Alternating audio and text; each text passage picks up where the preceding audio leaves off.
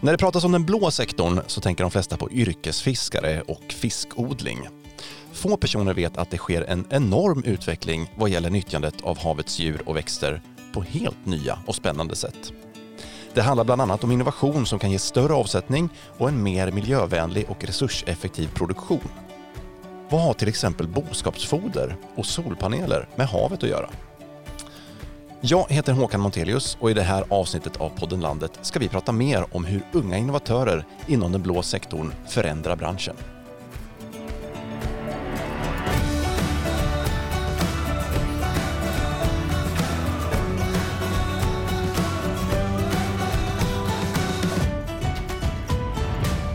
Ja, havets resurser är så mycket mer än fisk och skaldjur. Det finns idag unga människor som tänker på nya sätt och vars idéer banar väg för en ny blå bioekonomi världen över. Och två innovatörer har vi med oss i podden Landet idag.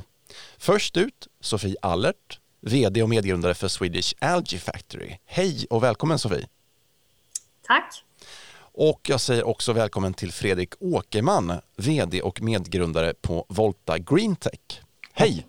Hallå! Hallå, välkommen du också. Hallå. Och förutom er två så har vi också med oss Lillemor Lindberg, innovationsledare för maritima näringar på Innovatum Science Park i Trollhättan. Välkommen du också. Tack Håkan, hej på dig. Och Lillemor, jag ska prata mer med dig om en liten stund, men jag tänkte att vi ska börja med Sofie och Fredrik, att ni får berätta vad det är ni gör helt enkelt.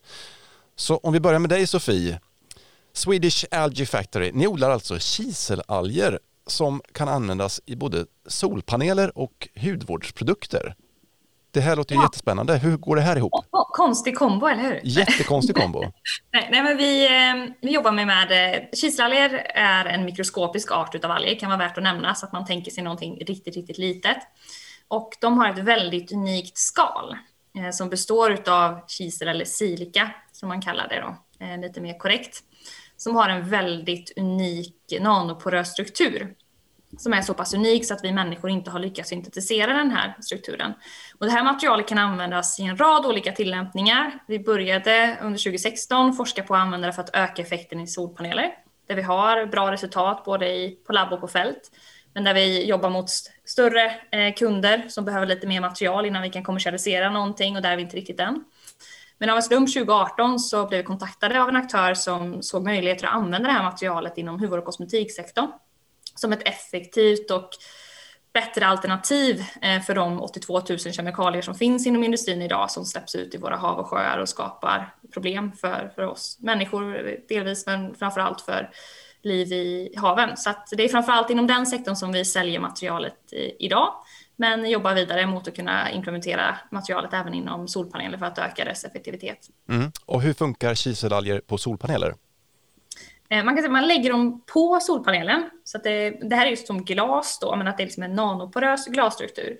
Och det här materialet är då designat för att algerna ska kunna ta vara på solenergi som de behöver för att växa så effektivt som möjligt. Så den här specifika nanoporösa strukturen är väldigt effektiv på att ta upp ljus vilket gör att ljus, mer ljus blir då tillgängligt till solpaneler som kan omvandlas till elektricitet. Men, men ni skördar inte det här från havet utan ni har en anläggning i Kungshamn där ni odlar den här algen? Precis, vi, vi odlar dem i eh, växthus eh, och dels så för att undvika kontaminationer av annat och få en så bra produkt som möjligt. Och så jobbar vi då på att producera det här på ett så cirkulärt sätt som möjligt och lite restprodukter kan även gå in till eh, biogas och eh, gödselproduktion. Mm. Hur mycket alger skördar ni på ett år? I, I, nuläget um, så, så är det väl uppåt 200 kilo alger och sen så innehåller det här skalet då ungefär 10, um, ja 300 eh, kilo ska vi säga, ungefär 10 procent utav algen då. Eh, men vi håller just nu på att bygga upp vår första skorstaliga storskaliga eh, anläggning som kommer börja producera material mot slutet utav det här året då där vi kommer 20 dubbla den siffran, så det känns jättekul. Spännande. Och Fredrik Åkerman då på Volta Greentech, ni jobbar också med alger, men en helt annan typ av alg, nämligen rödalger och inom ett helt annat eh, område med en, en, helt annan effekt. Berätta, vad är det ni gör? Vi jobbar på hur man ska minska metanutsläpp från kor. Eh, för kor rapar ut väldigt, väldigt mycket metangaser och det står för ungefär 5% av världens totala utsläpp. Och det har aldrig riktigt funnits en lösning för hur man ska minska de utsläppen och hur man ska hjälpa korna att rapa mindre gaser. Och några forskare för ungefär sex år sedan i Australien upptäckte att om man matar en specifik alg, en röd alg, eh, i en jätteliten mängd som ett tillskott så kan man göra så att korna egentligen helt slutar rapa metanet. Ehm, så det vi jobbar på nu är hur man ska kommersialisera den här forskningen och hur man ska skala upp den här lösningen och få ut den till så många, många bönder som möjligt eh, för att tackla så mycket utsläpp som möjligt. Så nu håller vi på att bygga upp vår första ehm, pilotfabrik i Lysekil eh, och har börjat mata några kor på en svensk gård precis. Hur mycket, eller hur mycket minskas metanutsläppet från kossorna med, med de här algerna? Vi brukar säga upp till 80 procent av utsläppen minskas och så tillsätter man ungefär en halv procent av fodret som, som alger. Så det är inte att korna bara käkar alger utan det, det är som en, en sorts krydda som man sprinklar på vanliga fodret. Du går runt med ett kryddmått där och häller på kornas foder helt ja, enkelt? Ja, det är lite mer automatiserat än så på gården, men, men, men i, i teorin, exakt. Ja. Du, hur kom du på den här idén att börja göra det här på en kommersiell bas? Um, jag, jag har ingen bakgrund alls inom alger eller kor utan jag pluggade elektroteknik förut, vilket är väldigt långt ifrån det här. Men sen läste jag på, på Reddit som ett, ett av världens största internetforum om de här forskarna i Australien. Och sen, sen kändes det bara som att det här är någonting som verkligen behöver komma ut och lösas. Och den största utmaningen som, som finns med den här liksom, lösningen är att den här algen har aldrig kommersiellt odlats tidigare. Och det går inte riktigt att gå in på Alibaba eller Ebay eller Amazon och beställa hem jättestora mängder av algen utan om det är någon som ska odla det så, så är det någon som måste ta tag i det och, och skala upp det. Mm. Hur svårt eller lätt är det att odla den här algen då? Det har varit ganska kämpigt just eftersom den här algen aldrig... Det finns väldigt lite forskning på hur man odlar den här algen.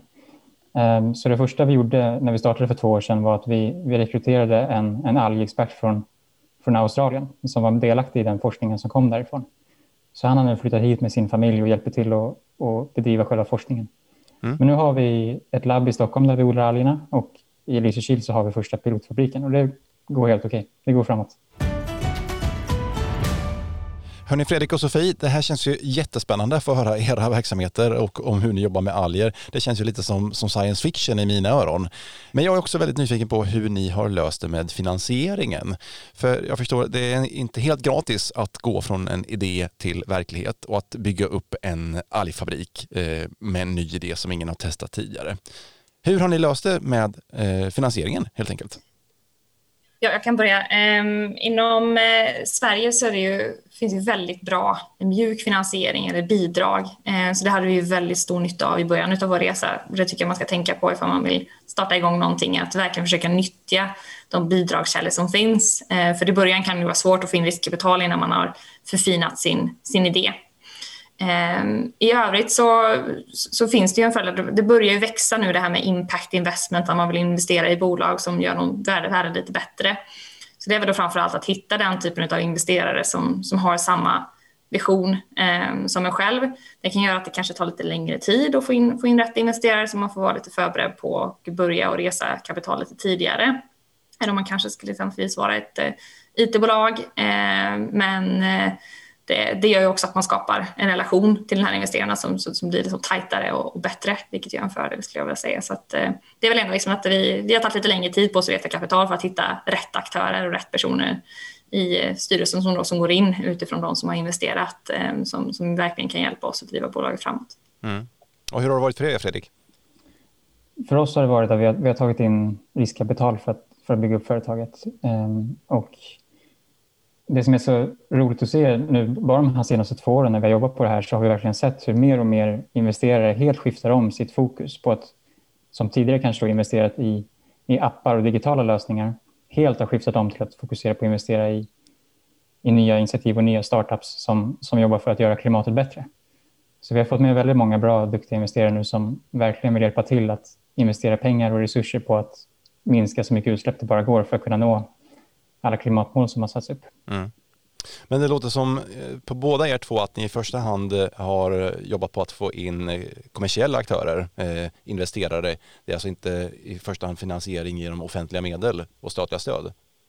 Tvärtom för oss. Så vi har jobbat väldigt mycket med offentlig finansiering och statliga stöd till att börja med. Så vi startade ju bolaget det är som ett forskningsprojekt mellan 2014 och 2016. Där vi bara hade mjuk finansiering för vi delade via ett universitet.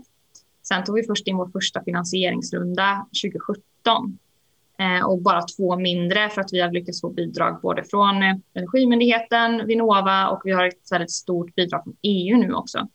Mm. Vi ska släppa in Lillemor i samtalet också. Eh, och Lillemor, som sagt, du, du sitter ju som innovationsledare på Innovatum Science Park i Trollhättan. Eh, du jobbar ju mot marina näringar eh, framför allt. Jajamän, ja. stämmer bra. Och, och, du kommer i kontakt med många människor som har innovativa idéer som, som de vill förverkliga. Eh, vad, vad, säger, vad tänker du när du hör Fredrik och Sofie berätta om deras utmaningar och deras resor? Är det här någonting som du känner igen? Absolut. Eh, och jag känner ju att ni båda två är drivna personer och entreprenörer och vet mycket vilka vägar ni kan ta. Men vad vi försöker hjälpa till med då det är ju till exempel att skapa de här investerarnätverken. Så att när det kommer någon som har en ny innovation så skulle vi kunna känna av med det här investerarnätverken. Okej, okay, vilka skulle kunna vara intresserade av det här exempelvis? Eh, och vi har ju också de här tidiga mjuka eh, liksom, vägarna att kunna hitta det här kapitalet i början som behövs för att man ska kunna komma igång och göra sin affärsplan fullt ut. Och sen har vi hela vår inkubator och startup-miljö där vi har en process då för hur vi hjälper, precis som det ni står inför. Det första, ni får en idé första gången. Och så, Sofie, i ditt fall så var det väl ändå Chalmers entreprenörsskola som du gick via? Va? Det stämmer. Ja. Ja, det stämmer. Mm. Så det kan ju vara lite olika vägar hur man kommer in på att man vill starta upp en affärsidé. Men absolut att vi försöker att vara en stöttande väg i detta. Då. Mm. Mm. Så kan du berätta lite mer, förutom själva finansieringen och hjälpa till att hitta de här lösningarna, vilket annan typ av stöd kan man få om man har en idé? Oj, ja, du kan ju få de här, typ att vi kan koppla upp det mot Almi, de har så här verifieringsmedel och VGR har såddlån och det finns eh, allt ifrån att du kan ha ta, ta kontakt med någon forskare för att liksom förmedla vad är det för kunskap du behöver ha mer än det du har idag. Eh, och då har vi ju kontakt med alla universitet runt omkring lite beroende på vilken kompetens de har. Men sen kan det också vara det här med första kund. Det här är ju jätteviktigt att man får en verifiering från den kunden man tror att man ska ha och att man får ett första möte med den presumtiva kunden så att säga. Eh, för då kan man ju också kanske behöva justera lite i sin eh, affärsplan utifrån att man kanske hade en idé från början men man kanske måste liksom spetsa den eller bredda den eller vad det som kan behövas då. Mm. Mm. Varför har ni på Innovatum valt att satsa på just startups och innovation inom den blå sektorn? Oh, vi tycker det är så fräckt det här området eh, och vi känner ju det här att med alla de samhällsutmaningar som ni har varit inne på nu också så finns det en otrolig potential i att havet är outforskat. Man säger att det, havet är outforskat till 97 procent idag. Så vi känner ju så här med mycket av kanske framtidens livsmedel med marin, biotek som, marin bioteknik som ni har varit inne i, att vi har så mycket som vi måste lära som finns i havet alltså. Man brukar ju gå under benämningen biomimik. Uh, att man, eller biomimetik kanske man säger, jag kanske mm. nu är jag lite osäker. Men det är att man ska lära och härma utav de funktioner som finns i havet. Då. Mm. Ser du några särskilda trender eller idéer som återkommer inom, eh, när man pratar marina eller den maritima sektorn eller den blå sektorn? Det kommer ju en hel del inom det som kanske, nu har ju ni väldigt stor teknikkunskap med er, men det finns ju många som kanske inte är sprungna utifrån universitet utan de kan se mer behov i att jag skulle vilja äta mer alger eller tång till exempel. Och då kanske man mer går ifrån att man vill skapa ett bolag som erbjuder en ny typ av livsmedel än vad vi är vana vid. Eh, så det kan komma lite från olika vägar men jag tror det här med att man ska hälsa, liksom, att man ska liksom tänka klimatmässigt. Just att det händer mycket i det här området och att det bubblar av mycket olika nya innovativa idéer tror jag beror lite på att man är i ett trendskifte och att vi i Sverige är väldigt medvetna om klimatets fördelar också och bryr oss om oss själva och liksom är hälsomässigt intresserade. Men om jag vänder mig till er igen, Fredrik och Sofie. Vad skulle ni säga har varit era största utmaningar på er resa för att komma dit där ni är idag? Alltid när jag får den här frågan så brukar jag säga ja, vad, har vi, vad har vi inte haft utmaningar med eller problem med? Nej, men det, det, är ju lite så när man startar upp någonting som är unikt och spännande och det, det är ett nytt material. Det är, man ska introducera det till en marknad som, som inte har sett det här tidigare eller när man ska skala upp produktion av någonting där man liksom inte har så mycket så, så, så har man ju onekligen problem på väldigt många eh, håll och kanter.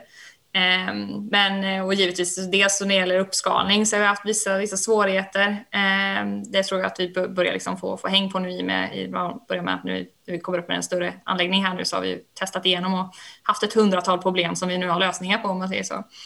Men, men också det här när man ska introducera någonting nytt eh, till marknaden. Det har varit utmaningar i vissa fall, men just inom huvudvårdssektorn så går det väldigt bra för oss. Finansiering eh, till viss del. Mycket finansiering går ju till till bolag, helst inom IT-sektorn där man inte har så mycket hardware och här pratar vi om att bygga anläggningar. Men fördelen med det är att eh, det är mindre antal investerare man kan, man, man, kan gå emot och många av dem är väldigt eh, seriösa och engagerade i den här typen av teknologi. Så det kan vara både en fördel och en nackdel ska jag säga. Mm. Eh, ni säljer ju in era produkter här mot två helt olika branscher. Jag kan tänka mig att det finns lite attitydskillnad där, för det är ju inte första gången som man pratar om att ha alger i hudvårdsprodukter. Finns det en, en större acceptans för det i den branschen? onekligen. Eh, inom, inom solbranschen är det till och med så att när vi ska pitcha in vårt material så undviker vi att säga att det kommer från alger för typ eh, så sent vi kan. Eh, om det är möjligt. Verkligen. Företagsnamnet lite, men att vi pratar mer om materialet och dess egenskaper än dess, dess ursprung till att börja med för att skapa ett intresse för att man är lite lite skraj för tanken att man skulle ha ett algmaterial i solpaneler. Det är lite, lite konstigt för de som jobbar inom den industrin. Mm. Hur har det varit för dig då Fredrik? Hur konstigt inom citationstecken är det att prata om att ha alger som kosttillskott eh, åt nötkreatur? Det är väldigt konstigt. Det är väldigt ovanligt.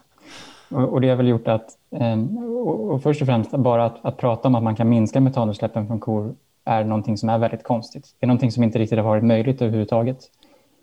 Så när vi är ute och pratar med, med lantbrukare och ute och pratar med mejerier och köttföretag och detaljhandeln så det här det har kommit som en ny grej det här att de, man inte vetat om att det har gått att minska metanutsläppen.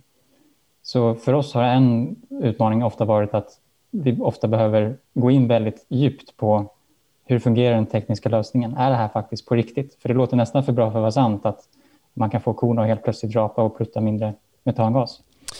Lillemor, vad tänker du om det här? Alltså när man kommer med en ny idé så är den såklart, ja den är ny, den är oväntad och som Fredrik och Sofia har varit inne på så är den kanske ibland lite konstig.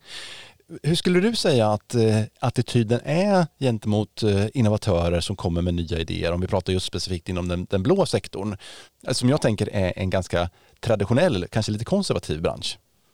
Jag skulle säga att den har förändrats, precis som Fredrik var inne på. Det är en helt annan öppenhet idag gentemot att tänka också hållbart och att man också förstår att den här innovationshöjden som man kan hitta i de här helt nya funktionerna och egenskaperna också attraherar de som har pengar idag. Eh, man vill vara en del av att göra skillnad och att då kunna vara med i någonting som är helt nytt, helt hett och som kanske inte har varit uppe på tapeten förut gör också att man känner att det finns en attraktion att vara just där och vara med i den resan. Mm. Och Fredrik, ni eh, är ju ganska, ni har ju hållit på i ett par år, ni har inte kommit lika långt, eller ni har inte varit igång lika länge som, som Swedish Algae Factory, eh, utan ni är kanske mer i ett startup-stadium. Vad skulle du säga har varit, vad är de viktigaste kontaktytorna för er och vad är det viktigaste för att ni ska kunna komma vidare just nu? Ehm, det viktigaste för oss nu att komma vidare är att på riktigt kunna validera och producera algerna på det sättet som vi vill göra nu i pilotfabriken. Och, och, då handlar det väldigt mycket om att få in rätt kompetens. Och eh, just inom alger så det finns inte speciellt många algföretag i Sverige, så det är väldigt svårt att hitta den kompetensen i Sverige. Så jag tror det är, dels, det är någonting som, som kommer behöva bli bättre i Sverige, att vi liksom tillsammans bygger upp en, en ny algindustri i Sverige för att kunna få hit de här talangerna runt om i världen som är väldigt duktiga på just alger och, och blå näringar. Eh, Sofie, hur tänker du då? Eh, ni har ju hittat två användningsområden för redan alg här nu då, eh, både solpaneler och hudvårdsprodukter. Vad tänker du, vad blir nästa steg för att ni ska kunna vidareutveckla er verksamhet? Mm, nej, men det, det, stora steget är ju nu att vi håller på att skala upp produktionen. Eh, då vi är i en situation nu att vi inte kan tillgodose riktigt behovet som vi ser inom hudvårdssektorn. Eh, så det är det största fokuset och fortsätta då de, de tester vi har igång mot solmat och en kommersialisering inom den branschen om kanske tre år. Sen är det ju lite roligt med det här materialet och vi försöker ju hejda oss själva lite men vi får ju ganska mycket förfrågningar om att kunna använda inom andra tillämpningar. Så det är lite kul och det öppnar ju upp för även framtida marknader. Ja. Ni har ju båda två jättespännande idéer. Vad skulle ni säga är, är era viktigaste drivkrafter till att ni jobbar med det här och sysslar med det? För det är någonting nytt och det är tufft, jättemånga utmaningar som ni båda har nämnt. Men vad är det som gör att, vad är det som driver er? Om man frågar dig Fredrik först. För mig är det för klimatet. Eftersom just med jordbrukssektorn så har det, det liksom inte funnits så många bra lösningar att minska utsläppen. Och um, om man kollar på elektrifiering av bilar och så där så, så är det många företag som gör väldigt mycket framsteg. Men just inom jordbruket så är det, tar det lite längre tid. Och det är mycket det som är drivkraften nu, att försöka hitta ett sätt att snabba upp det. Och det behöver inte bara vara att minska metanutsläpp från kor, utan det är också att med det här initiativet och med den här approachen också hjälpa hela lantbruket att hitta fler sätt att minska utsläpp. Mm. Och du då Sofie, vad driver dig? Delvis lite liknande resonemang som Fredrik eh, har. Ehm, om man kollar på, på bitarna med eh, att man vill hjälpa till och bidra till en bättre miljö och klimat. Men också att jag, jag pluggade bioteknik. Super, blev superfascinerad av alger under min kandidatarbete och kunde liksom inte släppa hur outnyttjad den här resursen är och hur mycket nytta den, den kan göra. Eh, sen är jag, älskar att dyka, så allting med haven och sånt där är ju jättekul också. Så jag vill liksom jobba med den här typen av eh, sektorn. Så det är lite, lite tudelat, en liten nördighet där kring alger och eh, haven generellt i kombination med att eh, vi gör någon, någon nytta för klimat och miljö. Lillemor, vad skulle du säga då? Eh, det kanske är någon som lyssnar på den här podden nu som har en idé som man skulle vilja förverkliga. Vad är ditt bästa råd till en sån person? Att ta telefonen och ringa eller höra av sig på något sätt. För att eh, så fort man har en idé, det kan ju vara så att man har gått och grundat på den länge eller det kan vara så att man helt nytt har läst, precis som Fredrik, något eh, utlägg som man gör att man får en idé. Men man kan ju alltid ha en första rådgivande samtal med någon i alla fall. Eh, och där kan vi stå till tjänst och vi har också ett jättestort nätverk utav alla de här olika innovationsstödsaktörerna i vår region eller i Sverige också. Så vi skulle kunna slussa till rätt aktör så att man kommer rätt så snabbt som möjligt. Då. Ja, men Fredrik och Sofie då, om, om ni skulle träffa på en, en ung person som har en idé idag som man skulle vilja ta från idé till verklighet, vad skulle ni säga till den personen? Vad är ert bästa råd? Vi börjar med dig Fredrik. Det skulle vara att, att, att dela med sig av vad den idén är och inte bara sitta och hålla den hemlig. För jag tror det är ett ganska vanligt fenomen ofta. Kanske ofta om man har varit inom eh, liksom universitetsvärlden, att man vill hålla, hålla sina upptäckter för sig själv och inte riktigt dela med sig.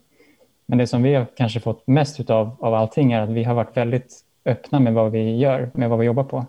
Och på så sätt har vi fått med oss väldigt många människor, så väldigt många olika partners och investerare och framtida anställda. Så vi har varit väldigt mycket ute och bara pratat med, med de som kommer med bra tips och det har gjort att vi har bättre utvecklat vår egen idé och bättre kunnat liksom komma ut och, och, dela med oss av vad vi gör. Och Sofie, vad är ditt bästa råd? Jag håller med lite och det är vad både Lillemor och Fredrik har sagt att liksom våga eh, testa och prata med folk. Men, men framförallt så är det viktigt att man vågar att testa och prata med eh, den möjliga liksom, kunden eller att man liksom känner att man har koll på att det finns ett behov. Men också att man eh, har med sig den tanken att det, det är en tuff resa om man ska liksom bygga upp ett bolag. Och, och vara beredd på att det kommer vara väldigt mycket upp och ner och ibland kommer det kännas liksom hopplöst och liksom fundera på, är jag den här personen som, som, vill, som klarar av att göra detta? Hörni, Sofie och Fredrik, jätteinspirerande att få höra era berättelser och få ta del av era tankar. Stort tack för att ni var med i podden. Sofie Allert, Swedish Algae Factory och Fredrik Åkerman, Volta Green Tech. Tack så jättemycket för att ni var med. Tack. tack. Och tack så jättemycket Lillemor Lindberg på Innovatum Science Park i Trollhättan. Tack ska du ha. Jättetrevligt att vara med. Och stort tack till dig som har lyssnat på dagens avsnitt. Hoppas att du har fått både lite inspiration och ny kunskap. Vi hörs igen om några veckor i nästa avsnitt av podden Landet.